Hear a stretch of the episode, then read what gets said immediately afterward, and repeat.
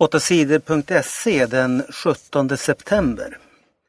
Reinfeldt och Löfven i bråk om skatten. Alla som arbetar får sänkt skatt från den 1 januari nästa år. Det lovade regeringen på måndagen. Det är femte gången som den borgerliga regeringen sänker skatten för dem som jobbar. Regeringen säger att de flesta kommer att få 200-300 kronor mer i månaden när skatten sänks. Vi tycker att det ska löna sig att arbeta. De som arbetar ska få mer pengar kvar i plånboken, säger statsminister Fredrik Reinfeldt. Fredrik Reinfeldt säger att sänkt skatt är det bästa sättet att skapa fler jobb i Sverige. Han tror att det kan bli 13 000 fler jobb när skatten sänks. Men den här gången vill regeringen också sänka skatten för en del av de som tjänar mycket pengar. Fler än 100 000 av de som tjänar mer än 36 000 kronor i månaden kommer att få sänkt skatt nästa år. De rödgröna partierna i riksdagen vill stoppa regeringens skattesänkningar. På måndagskvällen var det debatt mellan Socialdemokraternas ledare Stefan Löfven och Moderaternas ledare Fredrik Reinfeldt. Löfven vill stoppa skattesänkningarna. Regeringen lånar pengar för att sänka skatten för de som tjänar ganska bra.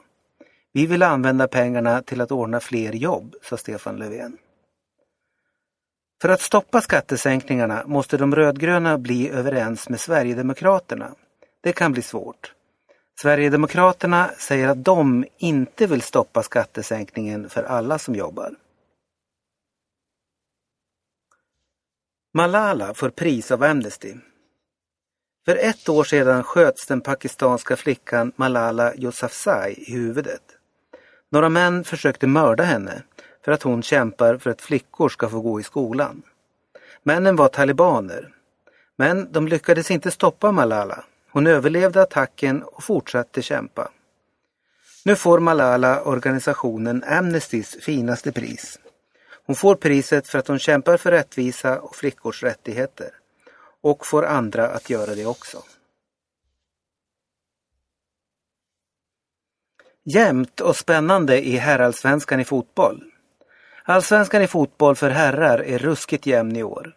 Fyra lag har en bra chans att vinna SM-guldet i fotboll. Malmö FF hade chans att dra ifrån i toppen men laget förlorade överraskande med 2-0 mot Djurgården på måndagen. Malmö FF leder fortfarande en poäng före Helsingborg och Göteborg. På fjärde plats ligger AIK bara tre poäng efter Malmö. Det är sju matcher kvar att spela och omöjligt att gissa vilket lag som vinner SM-guldet. De sista matcherna i Allsvenskan spelas den 3 november. I Allsvenskan för damer är det lite lättare att gissa. Malmö leder serien fyra poäng före Tyresö från Stockholm. Malmös damer har en jättechans att bli svenska mästare i år.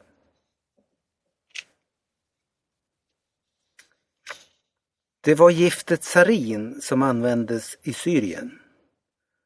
På måndagen kom till slut rapporten från FNs experter. De har undersökt vad som hände den 21 augusti i landet Syrien. Då dog 1400 människor i en attack mot ett område i huvudstaden Damaskus. Många av dem som dog var barn.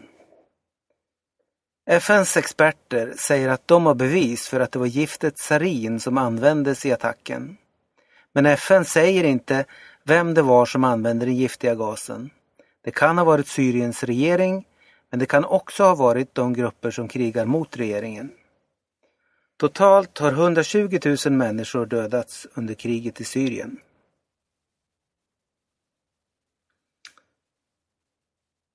Tretton dödades i skjutning i USA. En man började på måndagen att skjuta i staden Washington i USA. Mannen sköt människor i ett hus som tillhör USAs militärer. Han sköt ihjäl 13 människor innan poliserna kunde stoppa honom. Poliserna dödade mannen. Mannen som heter Aaron Alexis hade själv arbetat åt USAs militärer. Han hade skött sig dåligt på jobbet och tvingats sluta.